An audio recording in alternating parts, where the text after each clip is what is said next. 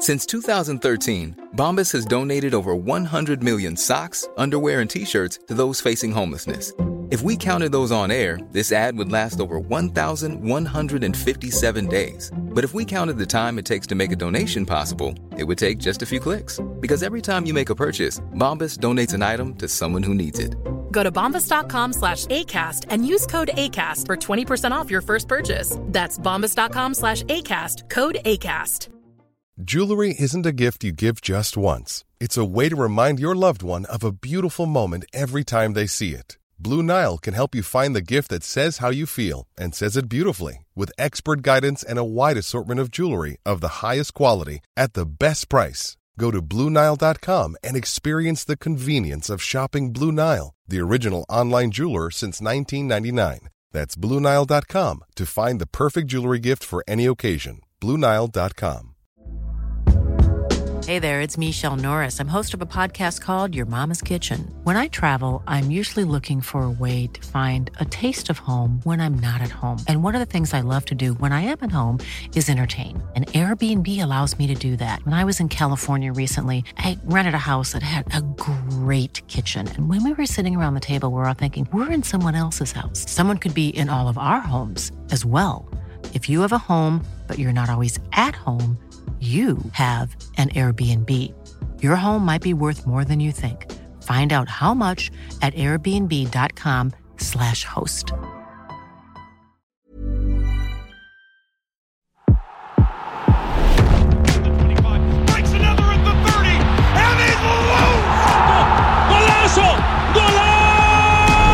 Velkommen til en ny episode av Kunne vært proff. Eh, Gjesten som sitter eh, overfor meg i dag, er min eks-dansepartner og gode venn Helene Spilling. Velkommen. Tusen takk. Helene, du har jo vært proff i sportsdans eh, med 17 NM-gull. Du har deltatt i EM og VM, vinner av nordisk mesterskap. Du har vært kvartfinalist i flere Grand Slams, og du har jo en merittliste å vise til her. Men du har likevel en, en interessant historie, og derfor så slipper du inn i denne podkasten, som egentlig er liksom en lekegrind for alle som bare har vunnet kretsmesterskap og kanskje deltatt i et NM her og der. Men eh, du har en interessant historie som vi skal mm, dykke ned i. Men aller først så eh, skal jo du være med i Mesternes mester. Jeg skal det. Hvordan blir det? Jeg er livredd. Ja, du er det? Ja. Jeg har totalt eh, angst og panikk hver dag nå. Ok, Hvorfor det? Fordi jeg føler ikke at jeg har så veldig mye å stille opp med akkurat nå. Jeg er ikke godt trent. Pluss at min sport har liksom krevd så mange timer hvor vi står og liksom kan pirke på foten. Den skal være i turnout, og så skal vi ha en hofte som skal være opp der. Altså Det er mye koordinasjon. Eh, Men jeg blir jo ikke supersterk av det. Så når jeg skal stille mot eh, Olaf Tufte, så tenker jeg at da Ja, For du skal på et tidspunkt stå i 90-graderen der mot eh, selveste Tufte. Og da er det bare å bite tenna sammen. Jeg tror jeg kommer til å være hun jenta som bare kommer til å sitte og le og smile litt, egentlig. Altså, men Har dere blitt godt kjent allerede, eller? Ja, altså Vi var jo på en eh, middag nå hvor vi skulle ta dette bildet og ble litt godt uh, kjent. Ja. Uh, bli, bli bedre kjent. Eh, så jeg har sagt til Olaf at han er litt sånn Det er litt sånn obligatorisk rolle for han å ta papparollen for meg der inne. Ja, ikke sant? I og med at jeg er litt sånn innafor romiljøet her med Birgit og ja, ja, ja. gutta. Og den var han helt med på. Ikke sant? Ja. Så jeg måtte liksom spørre sånn Pappa, kan jeg ta et glass vin? Så jeg fikk lov til å ta ett. Ja, det, Nå ble det litt forstyrrende. ja. Nei da, han, han ble med på det. Så han måtte også si 'nå skal pappa dra'. Så sa jeg Ja. fatter'n ikke være så partypooper, men han eh, måtte tilbake til Horten, da. Men han er super å ha på sin side. Jeg spiller jo litt padeltennis med han. Ja. Så han er litt pappa for meg der òg, faktisk. Skal jeg være helt ærlig. Da er vi Pappa, søsken, kan jeg ta proteinbar her nå? Pappa, ja. Ja. Så han har en sånn autoritet over seg. Som, Han har det. eh, han har det. Så jeg tror, vi, jeg tror vi begge to har opplevd litt det samme med Olav Tufte. Ja. det, er, det er spennende at du skal være med, da. Altså. Nadia Khamitskaya var jo med eh, som sportsdanser i fjor. Hun gjorde det veldig bra, syns jeg. Ja, det synes jeg også. Og jeg tror hun også, Nå vet jeg jo ikke, men jeg tror hun også hadde liksom bra trening i forkant. Hvor hun eh, hadde trent mye på de, altså, riktige øvelsene. Da. Nei, jeg tror jeg. Ja, jeg tror det blir bra. Nå skal vi inn i fasen Alt er mulig.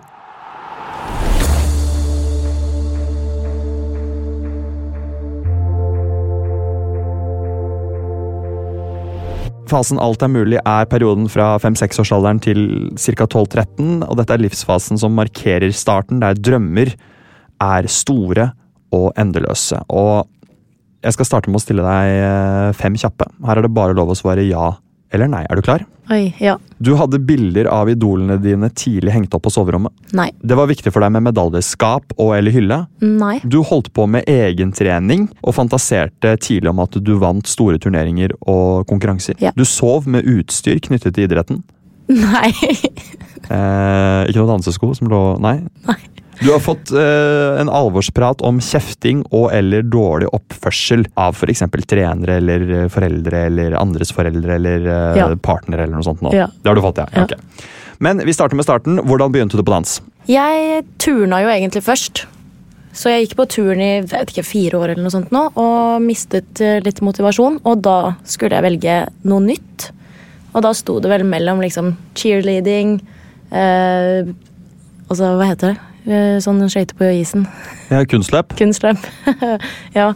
Og, eh, og så var det dansing, da. Da hadde jeg sett på Skal vi danse, så det er veldig gøy. Eh, Det Skal vi danse er en årsak til at du starta, da? Ja, Hvis Hva- ikke så hadde jeg sikkert ikke visst om sporten engang. Nei. Nei. Hvem var det du så på da? Elena, Alexandra, Nadia Ja. Hva var det du likte med dansen da? Hva var det Altså, det var jo det der elegante og disse kjolene med masse, masse glitter på. Mm. Altså, jeg er jo som en kråke, så det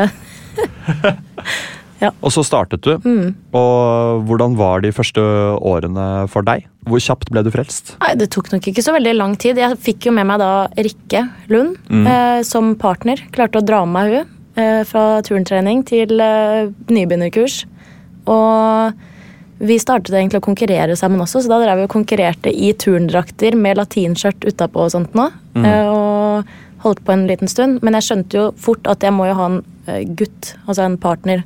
Du skjønte fort skulle at du må ha en gutt, ja. Det, det er livet, det. det er livet. Men eh, ja, så jeg måtte jo da finne meg en partner, da. Som jeg kunne fortsette denne karrieren med. Så jeg klarte å få med meg en annen gutt fra, fra Gjerdrum, der jeg kommer fra.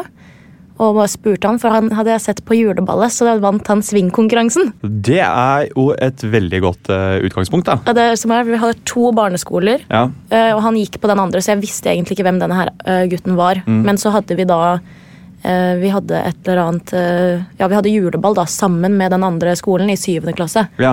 Og det var da jeg på en måte så han, og han var veldig på liksom skulle ta med jentene opp på gulvet og drive og danse og sånt nå.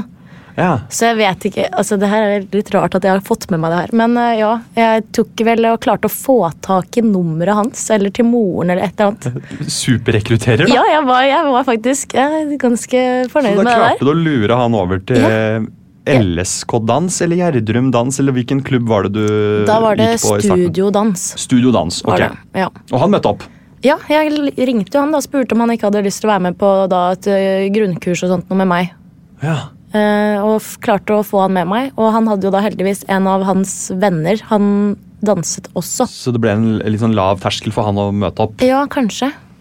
Så han ble din partner, din første mannlige partner. Ja. Rikkelund var din aller første partner, og så Ja. ble dette her din første mannlige partner. Ja.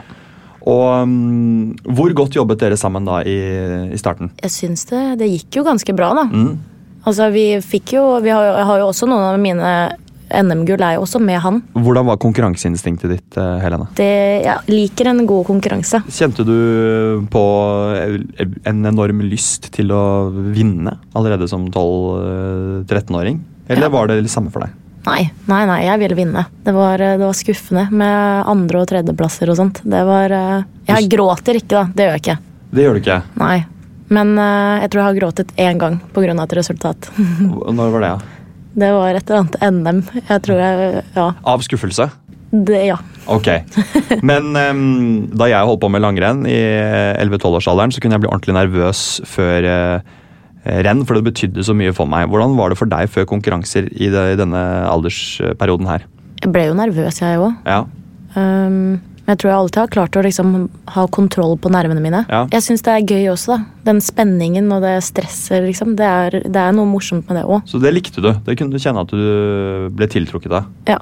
Jeg tror Hvis ikke så hadde jeg ikke gjort det så lenge. Men eh, hvordan eh, Du er jo avhengig av at eh, eh, partneren din er litt på samme bølgelengde og liker lyst til å vinne. Hvordan, hvordan fungerte det mellom dere to? Hadde dere like lyst til å gjøre det bra, eller var den eh, ene mer eh, ærgjerrig enn den andre? Nei, jeg tror vi hadde like lyst begge to. Det har jeg egentlig hatt med alle partnerne mine. Altså, det er jo noe når vi prøver å finne en partner, eh, og spesielt da etter han, da. Så når man skal finne en ny partner, så driver man jo og snakker sammen. Jeg holdt på å drive med forhandlinger først. Hvor man på en måte også sjekker liksom, ok, hvor ofte vil du trene. Og det er sånn, ja. Og ja, vi må jo sjekke at vi faktisk passer sammen med altså hvor mye tid man vil legge ned i det her. Hvor lyst har man? Økonomisk også, ikke sant. Det koster jo penger å holde på, så man må liksom passe på at man matcher, da. Hadde du en sånn samtale med din første mannlige partner?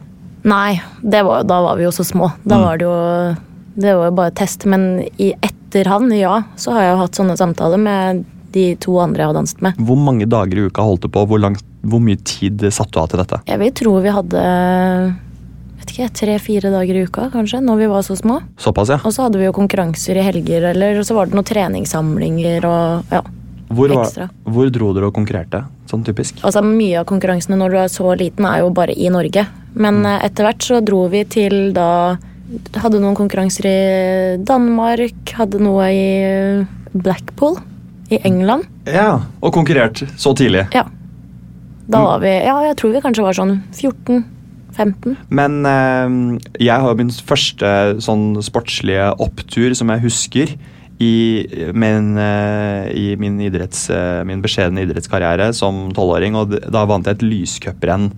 Eh, det var bare klubbrenn da, i langrenn. Eh, men det husker jeg fortsatt. Husker du din første skikkelige sportslige opptur? Ja, jeg, har, jeg har noen eh, minner fra noe NM i eh, jeg vet ikke, Stavanger eller et eller annet. Hvordan var det? Nei, det, var jo gøy. Ja, Jeg liker jo å vinne. Men eh, da var det var du favoritt, Tenkte du at du var favoritt? Kom du overraskende på, eller hvordan det var jo, jeg husker jo det, vi var liksom to-tre par som på en måte alltid konkurrerte om den førsteplassen. Ja. Så det var ikke alltid at man eh, tok den da. Så du hadde noen eh, hovedkonkurrenter Ja. så tidlig, ja? Mm. Var de fra samme område, eller var de fra andre steder i landet? Nei, de var fra andre steder. Jeg hadde noen fra Drammen.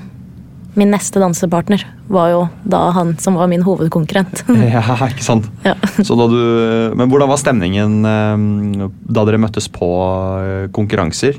Var det anspent, eller var det Altså, vi er jo alltid hyggelige mot hverandre, Ja. men uh, det var nok litt sånn derre småknuffing mot hverandre. Eller sånn derre små som bare Ja, i dag skal vi vinne. Altså, sånn teit barneoppførsel. Det var det, ja. ja. Så en konkurranse, Litt sånn stikk som dere sendte til hverandre? Og Og så husker jeg veldig godt uh, han, eh, han som jeg begynte å danse med, da. Ja.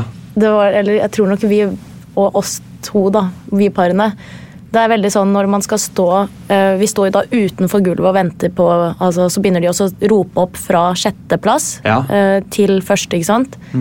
Og så er det jo sånn, de som står nærmest gulvet, det er jo på en måte de som vet at de blir ropt opp som sjette, ikke sant? ja. Og så var det liksom sånn konkurranse nesten for oss å stå lengst unna den parketten. For å liksom bare, ja, men vi skal vinne, så vi kan stå bare ti meter unna.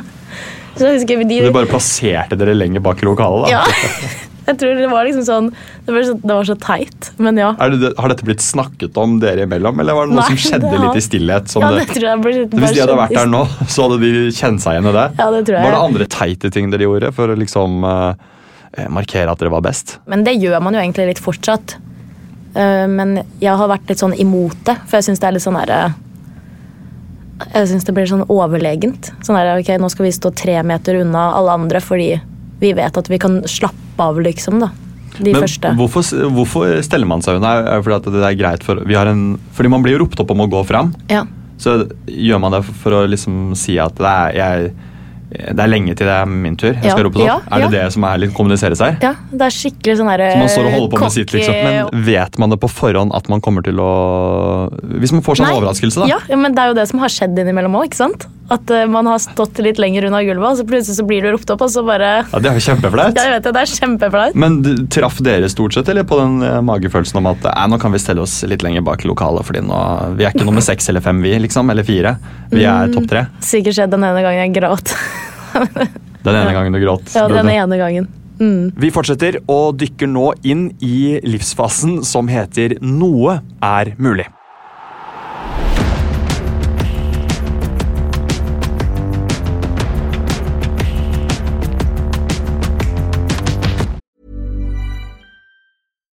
One size fits all seemed like a good idea for clothes Nice dress. Uh, it's a it's a t-shirt.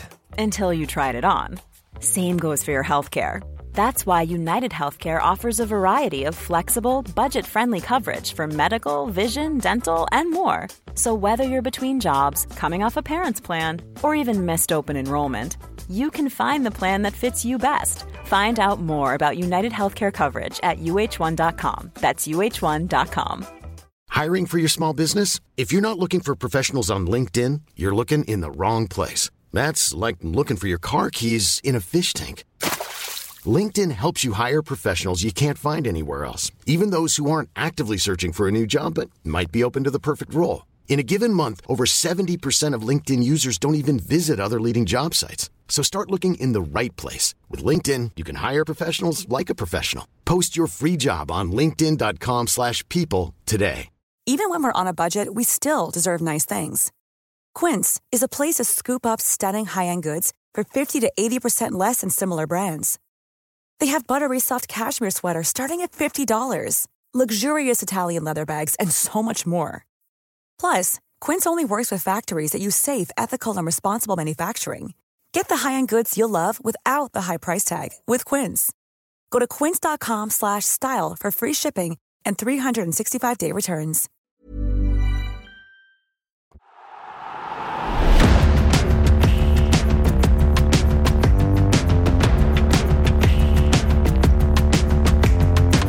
Men nå skal vi spole litt lenger fram i tid, til da du skjønner at uh, dette har jeg lyst til å satse på, og jeg har lyst til å utforske en uh, proffkarriere. Husker du når det var? Jeg tror nok det ble nesten sånn fra jeg var 16-17. På hvilken måte da? Altså, da, blir du jo, altså, da begynner det å bli såpass seriøst, og du begynner å bli såpass gammel at du på en måte kan bestemme deg for hva du vil.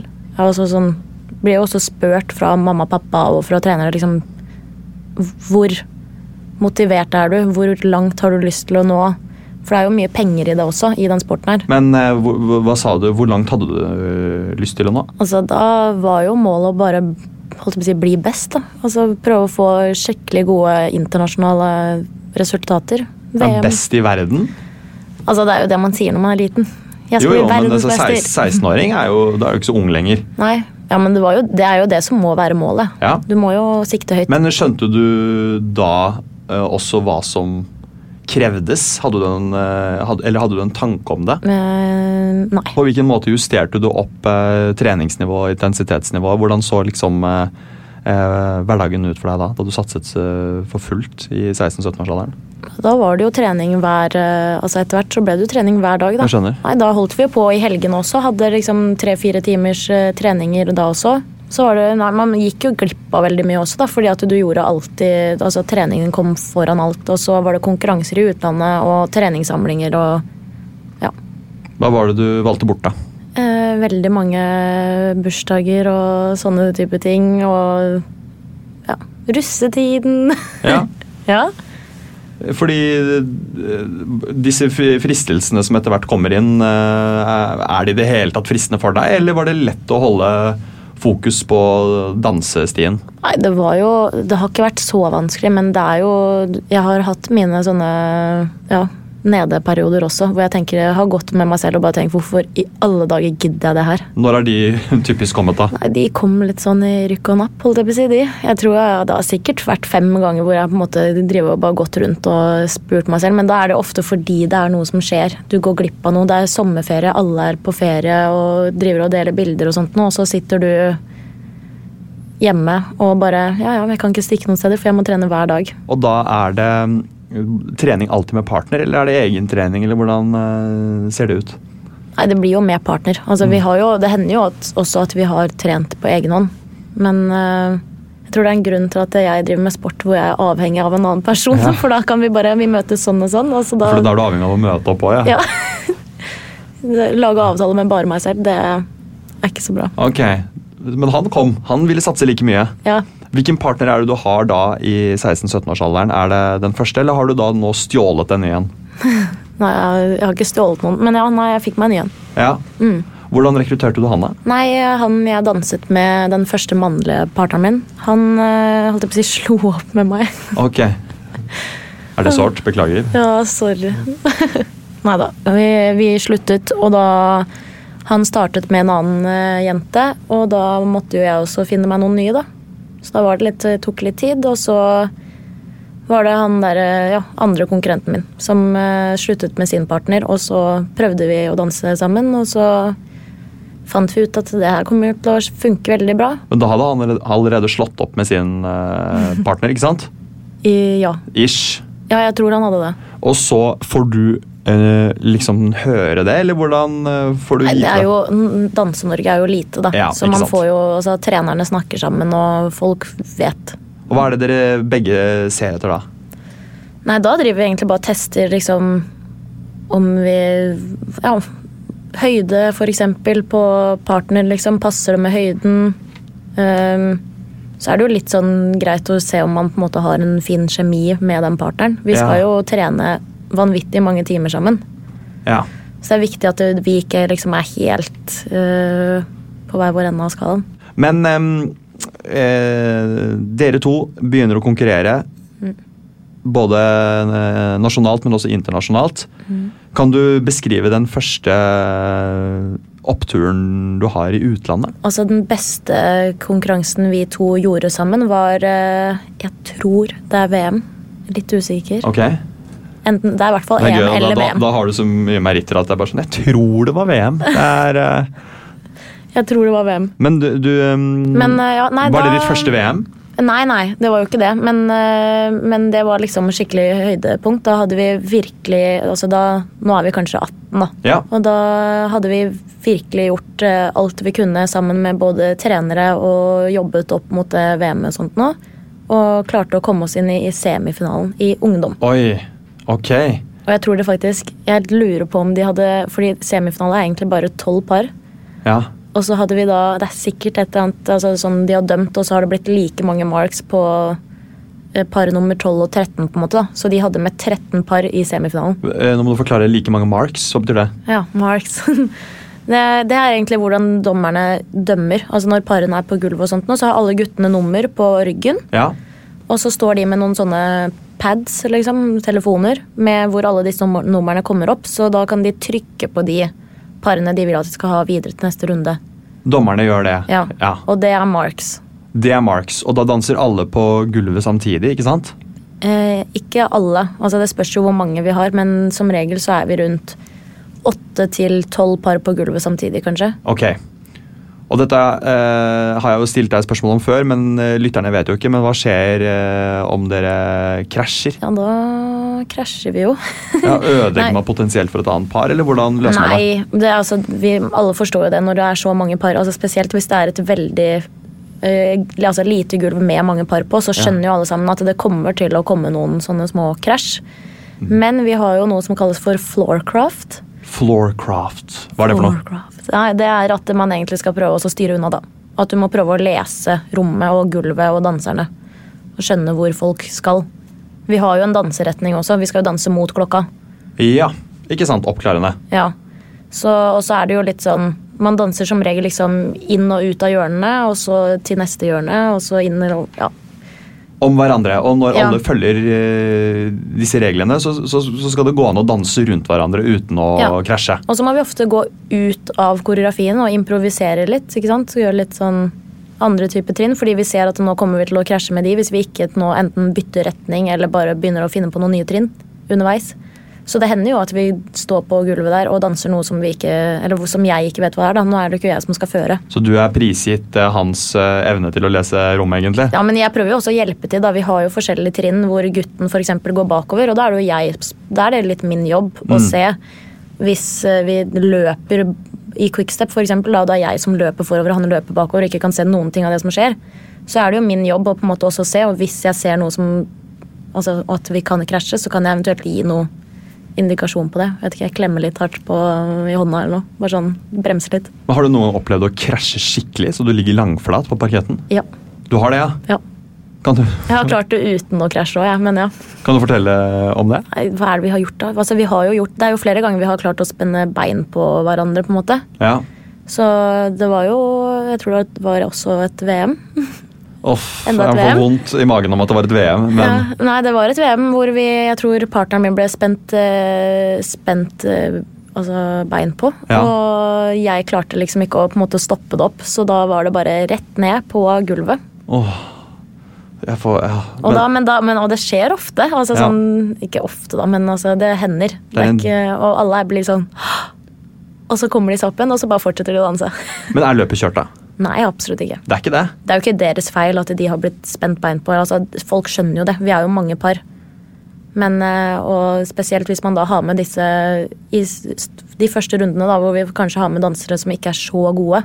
Som ikke er så gode på floorcraft, ikke sant. For de første rundene så er det et større felt, og da er det Mm. litt, litt mer alle nivåer du kan møte samtidig på Ja. gulvet. Ja, ja. Jo lenger opp vi kommer i konkurransen, så Ja. blir det jo bare bedre og bedre par. Og det, og dette er det, men eh, når, når dere stiller i VM, Mm. er det en eh, nervøsitet dere har underveis at dette kan skje, eller er det bare sånn ja, Nei, Det, tenk, må man tenker vi ikke på, Ja, liksom? nei, det må man bare ta som det kommer. Du- Det, sånne ting vet man jo aldri. Mm, ok. Men jeg har ofte vært eh, bekymret for meg altså selv. Altså sånn, fordi det er ofte noen parkettgulv som er mye mer glatt enn andre. Og jeg er kjempedårlig på å danse på glatt gulv. Det er forskjellige typer gulv òg, Ja, som du kan se forskjell på. Eller merke forskjell på. Ja, ja. Du merker stor forskjell på de forskjellige gulvene. Hæ. Men det blir jo som ski. ikke sant? Du må smøre skiene etter, eh, etter Ja. været. ikke sant? Ja, Eller temperatur og sånt Nå. Mm. Og for oss blir det samme på starten av et VM eller noe sånt noe da, på dagen når man kan, da er det liksom satt av en tid før det starter, hvor alle parene kan varme opp på parketten og få testa den. Og da kjenner jo vi med en gang ok, det her gulvet er skikkelig glatt. Så da er det bare å gå, og da oljer vi skoene med lakserolje. Da oljer dere. ja, men fortsatt, det er veldig interessant. Dere oljer skoene med lakserolje. Ja, For de er jo da med sånn skinn under. Deres smøring, på en måte. Det er vår smøring. Og hva, hva hjelper det da? Det for? gjør at vi får litt mer sånn seigt eh, feste på gulvet, da. Mm. Men jeg har vært også med på det motsatte, hvor det har har hatt et gulv som har vært så liksom trått Mm. At jeg nesten ikke får dansa, fordi beina bare sitter helt fast. Ja, for du trenger jo gli noen ganger. Ja, vi må også. liksom gli, men så skal vi ikke gli for mye heller. Finurlig. Ja, Men så, øh, etter første test, så er det alltid en liten debrief med partner og bare Ok, hvordan er gulvet? Mm. Er det trått eller er det glatt? Hvordan skal vi håndtere det? Mm. Hvem har olja med seg, liksom? ja, det er alltid meg. Det er alltid deg som har olja. Ja. Da, så den er alltid med. Den Ja. har alltid vært med. Ja, ja, ja. Og da er det forskjell på oljer òg, eller er det lakserolje, Ja, altså- lakserolje, liksom? Ja, jeg kjøper lakserolje på apoteket. Det er alltid veldig gøy å spørre etter. Kommer dit og bare Du, jeg vil ha lakserolje. Og så føler jeg sånn behov for å bare si det er ikke til meg, altså. Det er, jeg, skal, jeg skal bruke dem på skoene, og de kommer til å bare Altså For å laksere, altså lakserende middel. Ja. Er det, er det sånn vi Ja. snakker om? Ja. Er det det du kjøper? Ja. Du kjøper dritolje ja. For, for, å, for å få prestasjoner i verdensmesterskap? ja. Jeg føler at jeg liksom må forklare hvorfor jeg skal ha det. Men så tenker jeg at det blir jo bare enda mer kleint hvis jeg skal prøve å stå der, og det høres jo bare ut som at jeg prøver å ro. Ja, det gjør det. Men vi må oppklare en ting, eh, og det er eh, de ulike dansestilene og de ulike konkurranseformene. Mm. det er da latin, som er eh, ett område, og standarddans, som er et annet område. Mm. Kan ikke du forklare hvilke danser som tilhører latin, og hvilke som tilhører standard? Mm. Jo. I latin Ja, så har vi da samba, som Mm. du er veldig god på, vet du. det var dine ord. Cha-cha-cha, rumba, paso dobbel og jive. Og standard er Vals, tango, wienervals, slowfox og quickstep. Og noen konkurrerer i begge deler. Ja, det kalles vi for Da er du en tidanser, Tidanser. fordi da danser du begge to. Og så har vi også, ti, altså vi har også VM og EM i tidans. Litt, eh, kan ligne litt sånn på en friidretts eh, I friidretten så er det eh, tikamp, og da konkurrerer Ja. man i masse forskjellige ting. Ja. Og her har dere da en egen gren som heter tikamp innenfor dans. Og man, Ja. sa, jeg- sa jeg det rett nå? Tidans. Tidans. Tidans, ja. Ikke Tidans. Tidans, ja, for da får du en samlet plassering sammenlagt med standard og latin. Ikke sant? Og så får vi kåret en mester der. Mm. Du har eh, etter hvert her spesialisert deg innenfor standarddans, og kun det. Hvorfor det? Altså For det første så var det det jeg var best i Mm. eh, på slutten med, den, med han ene partneren min. Og når jeg da skulle finne meg en ny partner, så er det ikke sånn at det er et hav å ta av heller. Uh, og da fant jeg en som var veldig god i standard, uh, og som kun satset på standard. Og hadde en prøvedansing med han, og da kunne jeg jo vurdere liksom, ok, er jeg klar for å slutte med latin og bare fortsette med standard, og valgte å gjøre det. Og det her er uh, din tredje partner. Mm, ja. Og det er uh, en ny rekrutteringsrunde da, eller hvordan eh, fant du han? Det, jeg ble, altså, jeg ble singel. Dansesingel? Dansesingel. Ja. Jeg ble sing, dansesingel. Og så da sier man Vi har jo mange internasjonale trenere og sånt nå. Mm. Så da blir man Man sier jo fra, liksom. Nå er Helena er singel. Ja, ok. Dansesingel. Ja. Søker partner. det høres jo fælt ut uansett. Ja. Men uh, ja. Og da fikk jeg en telefon fra en eh, italiensk trener uh, som sa til meg at uh, Helene, jeg tror jeg har en gutt til deg fra Litauen som er veldig høy Mm. og veldig god. Og da skjønte jeg hvem det var. Han var ikke singel ennå. Han var i et forhold. Han var i et forhold. Han var egentlig tatt. eh, Men han Men den italienske ville treneren her, han, han er litt sånn matchmaker. Han, ja, han men han at visste at han også hadde lyst til å egentlig få seg ny partner. da. Ikke sant? Det skurra litt. ikke sant? Mm, Jeg skjønner. Da sa han kan ikke dere eh, prøve sammen. Mm. Så jeg dro alene til Stuttgart på dansekonkurranse. Stuttgart er jo en by i Tyskland. Ja. Eh, jeg dro alene på konkurranse, en, en av de største konkurransene vi har faktisk, i VDSF. VDSF, bare for å ta det som eh, med en gang, det er eh, for, et forbund. Et danseforbund. Ja. Det er to Mm. forbund. Det er litt sånn, som, eh, litt sånn forbundsforskjeller, men begge eh, Det er to store internasjonale forbund, VDC og VDSF. Du har Mm. konkurrert i VDSF. Ja. Eh, og jeg tror bare at vi skal få en eh, forklaring på de eh, på politikken i det, og hva som er forskjellen på de eh, forbundene. Ja. Eh, hvem kan hjelpe oss med det? Vi kan jo vi kan ta en telefon da, til Trine. Dere Kleve, som en- er ja. eh, Skal vi danse-dommer, og som har blitt verdensmester i eh, latin Ja. tidligere. I eh, 80 Jeg har det skrevet i 86. Mm. Vi ringer henne, og så får vi en forklaring. Mm. Hallo, det er Trine. Hei, Trine. Det er Helene. Og Simon. Hei på dere. Hei, så hyggelig. Du, Nå sitter vi og snakker litt om disse forbundene våre i sporten. Så jeg tenkte at det, kanskje det er bedre at du forklarer eh, nå hva forskjellen på VDSF og VDC er. Det kan jeg gjøre. Um, eh, VDSF det er det som tilhører idrettsparaplyen. vil si altså alle idrettsklubber, dans, klubber som har dans eh, som går under det vi, som vi er i Norges idrettsforbund. VDSF er eh, private aktører som eh, f.eks. driver private danseskoler og den slags, som da ikke er knyttet opp mot eh, idretten. I, I min tid når jeg danset, så var det to forskjellige forbund som levde veldig bra sammen. For da var VDSF det var amatørenes forbund. Og da var vi jo sanne amatører. Og så ble man etter hvert da profesjonell, og da ble det levebrødet ditt. Og da ble det VDC. Da var du profesjonell, du tok penger for det du utførte. Så det er i grunnen forskjellen. Men er det bare god stemning mellom disse to forbundene? Eh, nei. Nei. Men hvorfor ikke? Nei, fordi, fordi at når den splittelsen kom hvor begge forbund innførte på en måte begge deler, da, Ja. eh, at man har både proff og amatører i, i begge forbund, eh, så, så blir det jo liksom noen motstridende interesser, for å si det sånn. På hvilken måte da? Nei, da sitter det jo kanskje noen i disse internasjonale forbundene, da, som vi eh, opplever i mange internasjonale forbund. Eh, noen høye herrer på toppen som drar i noen tråder og skal ha ting sin vei. Da, når det blir penger involvert og det blir litt makt involvert, så vet vi jo dessverre hvordan det kan gå. Så det var upopulært å blande seg inn i begge forbund, og er fortsatt det, eller hvordan fungerer Ja, det? det er, det er faktisk fortsatt det. Altså, det er litt sånn at du eh, At man må ta litt stilling til hvilket forbund du ønsker å tilhøre. For de, fleste, for de fleste av oss i Norge så er jo det helt uproblematisk, fordi Ja. vi er under eh, idrettsparaplyen. Mm. Så, og det er jo der vi helst vil gjerne. Det er jo der vi er i klubbene våre. Det er, eh, jeg sitter selv i styret i Norges Danseforbund, som er tilsluttet uh, idrettsorganisasjonen, liksom. Mm. Så, så i, i Norge er den situasjonen ganske uproblematisk, egentlig. Men internasjonalt så er det nok større krefter ute og, og svinger seg, ja.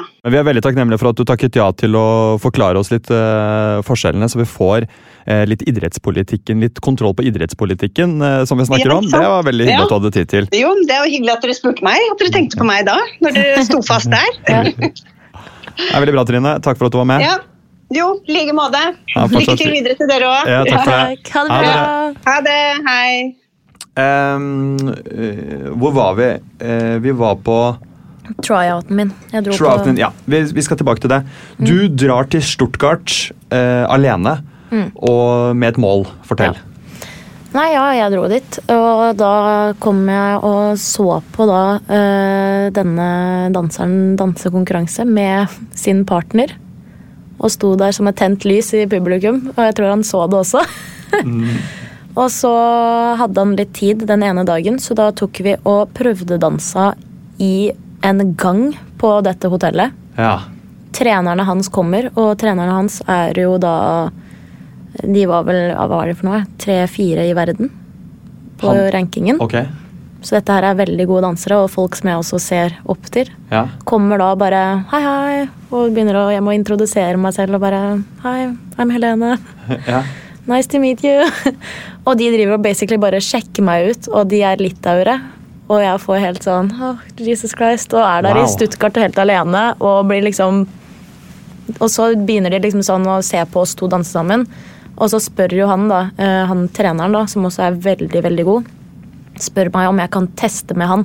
Han er liksom ok, ta en holdning med meg, eller altså stå i liksom danseposisjon med meg. Med treneren. Ja, Og jeg bare å, fytti Og dette her er en av de beste i verden. Ja.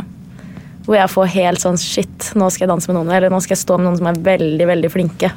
Og blir, får helt sånn prestasjonsangst. Og mamma mia.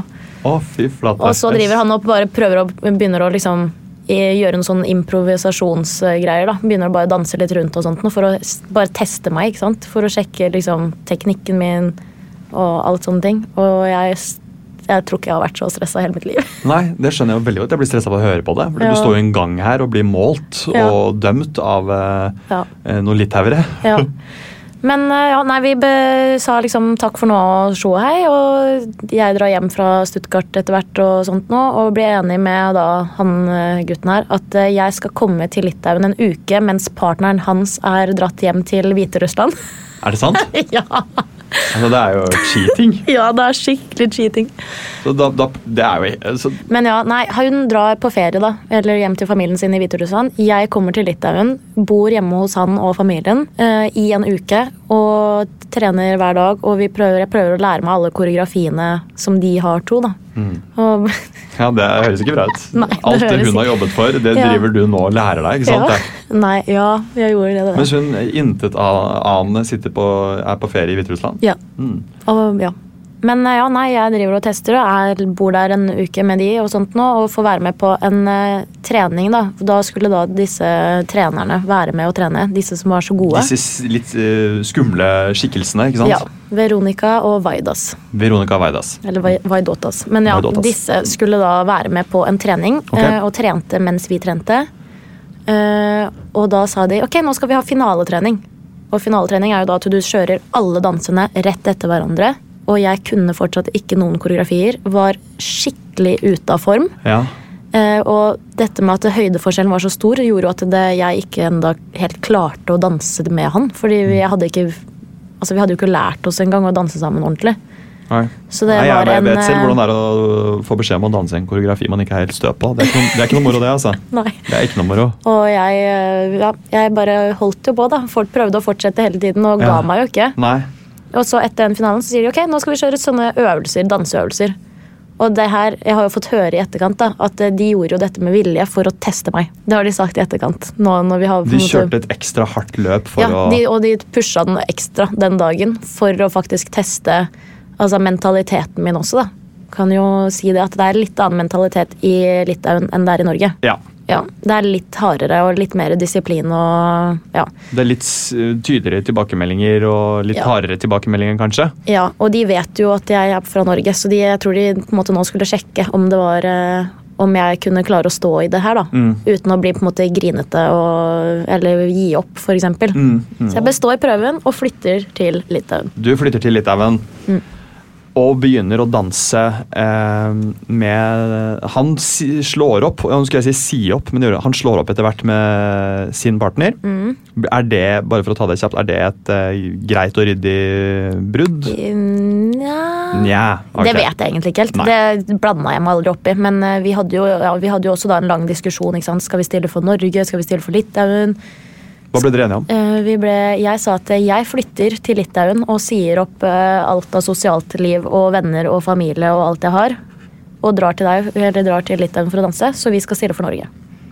Så da må litaueren eh, finne seg i å konkurrere med det norske Ja. flagget. Det verste er at det, det var faktisk skikkelig sånn ultimatum Det liker på slutten der. Det er for Norge, Fordi det var, altså. Han var, prøvde seg veldig. skjønner du, ja, men vi må stille for den og den klubben i Litauen og bla, bla, bla. bla. Og så sa jeg sånn Nei. Og da flytter du til Litauen, og hvordan ser treningshverdagen ut der? Nei, da er det Jeg tror vi holdt på liksom fem timer hver dag. Uh, Det er såpass, ja. ja, Men uh, finansierer du dette selv? det Nei. Du ler? Ja. det her er så fælt å snakke om. Hvorfor det?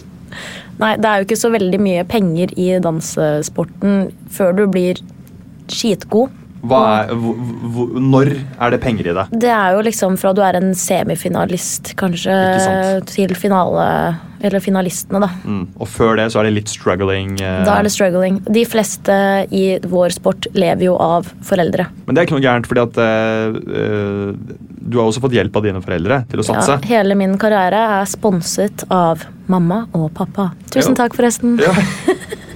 Ja, nei, jeg hadde aldri klart å komme hit uten de. Nei. Nei. Men det er mange mm, i norske idrettsutøvere som har fått uh, god hjelp av foreldrene sine. Eh, det, er- det er sånn det har vært for veldig mange.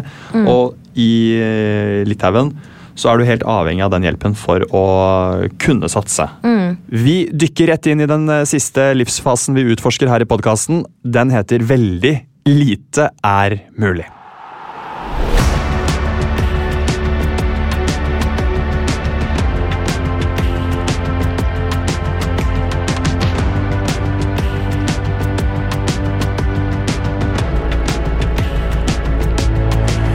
I Litauen er du en del av en eh, hardere treningshverdag enn det du er vant med i Norge.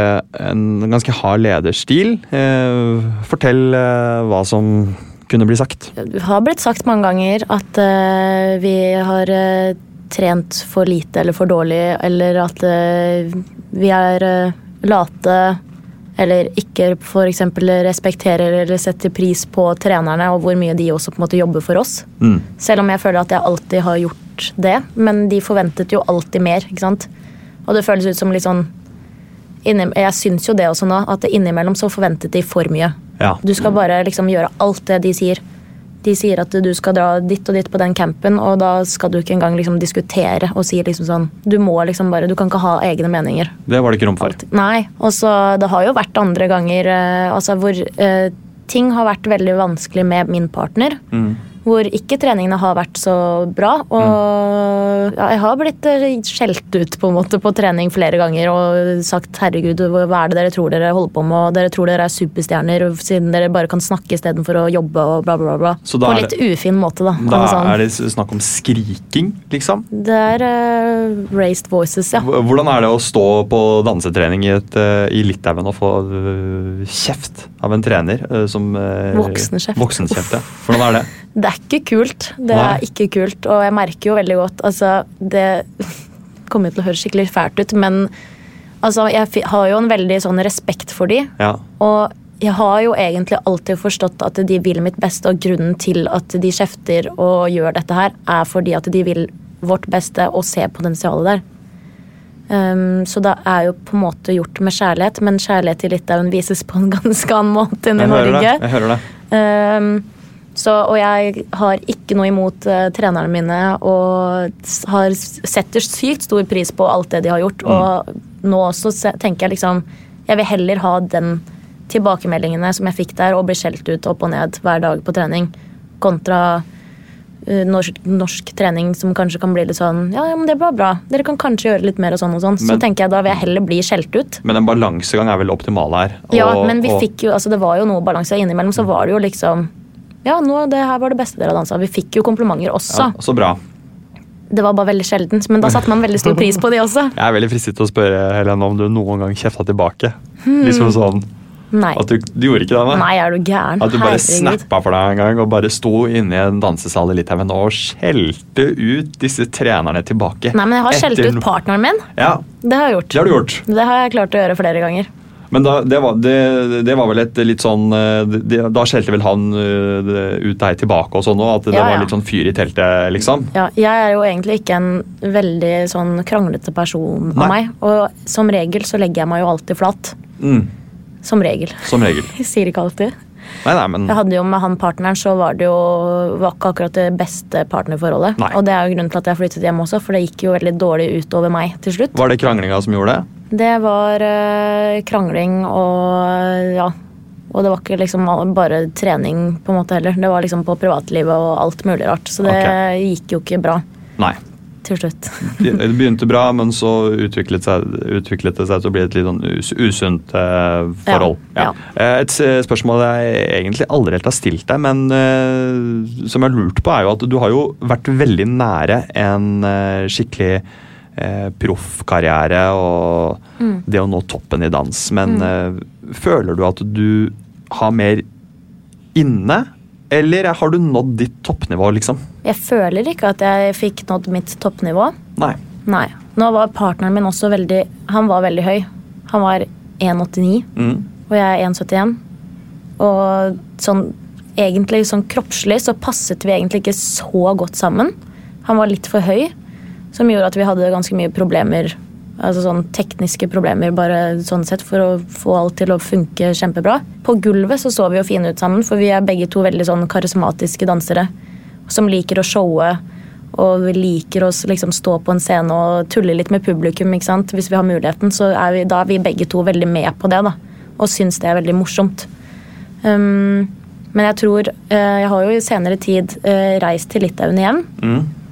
Eh, og danset med en annen gutt eh, som danset samme, i samme klubb, eller samme studio som meg, og danset med han. Og vi passer jo mye, mye bedre sammen på kanskje alle områder. Mm. Og da det er vel egentlig nå i etterkant, når jeg ikke har konkurrert, hvor jeg har tenkt nå danser jeg mitt beste. Men Hva gjør det med deg, da? Å se det? Er det noe som fyrer opp en uh, lyst til å fortsette, eller hvordan reflekterer du rundt det? For det står du jo midt oppi nå. Ja. Eh, nei, jeg får veldig lyst til å prøve på nytt. Eller sånn, og i hvert fall gjøre noe. Nå er det jo litt sånn Det å konkurrere er jo Det tar jo veldig mye tid. Altså sånn Skulle jeg gått tilbake og gjort det Holdt på med det som jeg gjorde før jeg reiste hjem fra Litauen, da må jeg nesten si Da må jeg for det første flytte til Litauen igjen. For det er der eh, jeg kan bli god. Det er ikke vits å prøve her i Norge, for vi har eh, Det er ja, bedre der. Med bare, både disiplin og trenere og alt. Men uh, om det blir Om jeg kommer til å gjøre det, er jeg usikker på. Mm. Men jeg har jo diskutert da med denne gutten om vi skal stille f.eks. i show, EM eller VM. Hva er det for noe? Det er litt mer som Skal vi danse, faktisk. Ok, Så det fins et eget en, en show, ja. en showkategori også? Ja, Hvor man lager ett show til én sang. Så det er ett og ett par på gulvet da, og viser showet sitt. Mens i de vanlige konkurransene som vi har snakket om nå, så er vi jo mange par på gulvet samtidig. Eh, Helene, nå har jeg kartlagt deg og din dansekarriere gjennom mange år. Eh, og notert underveis, så nå har vi kommet til konklusjonen. Helene, min konklusjon er ganske klar. Du er et toppidrettshode med en enorm drive som virkelig har prøvd. Du har stått i mye usikkerhet eh, og kjeft. Eh, Du har kjøpt lakserende olje på apoteket og stått i det òg. Og eh, jeg har jo selv opplevd utholdenheten din på Skal vi danse og treningsviljen din. Eh, så jeg hører jo at du er, fortsatt leker med tanken om å, å, bli danseproff. Og jeg mener at du både kunne vært proff og fortsatt kan bli det. Mm. Men det skal du få finne ut av i ro og fred. Her hos meg blir det uansett premie.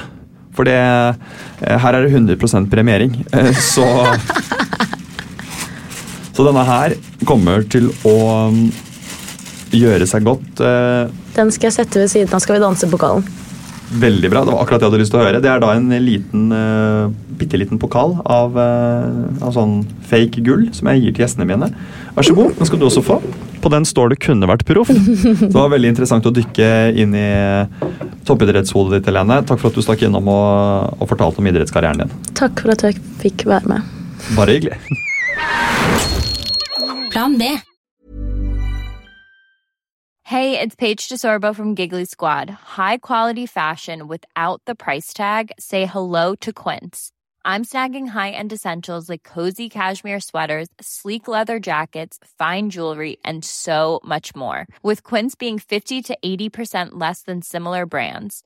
And they partner with factories that prioritize safe, ethical, and responsible manufacturing. I love that. Luxury quality within reach. Go to quince.com slash style to get free shipping and 365 day returns on your next order. Quince.com slash style. Mom deserves the best, and there's no better place to shop for Mother's Day than Whole Foods Market. They're your destination for unbeatable savings, from premium gifts to show-stopping flowers and irresistible desserts. Start by saving 33% with Prime on all body care and candles. Then get a 15-stem bunch of tulips for just $9.99 each with Prime. Round out Mom's menu with festive rosé, irresistible berry chantilly cake, and more special treats. Come celebrate Mother's Day at Whole Foods Market. Planning for your next trip? Elevate your travel style with Quince. Quince has all the jet setting essentials you'll want for your next getaway, like European linen, premium luggage options, buttery soft Italian leather bags, and so much more. And is all priced at 50 to 80% less than similar brands. Plus, Quince only works with factories that use safe and ethical manufacturing practices. Pack your bags with high-quality essentials you'll be wearing for vacations to come with Quince. Go to quince.com slash pack for free shipping and 365-day returns.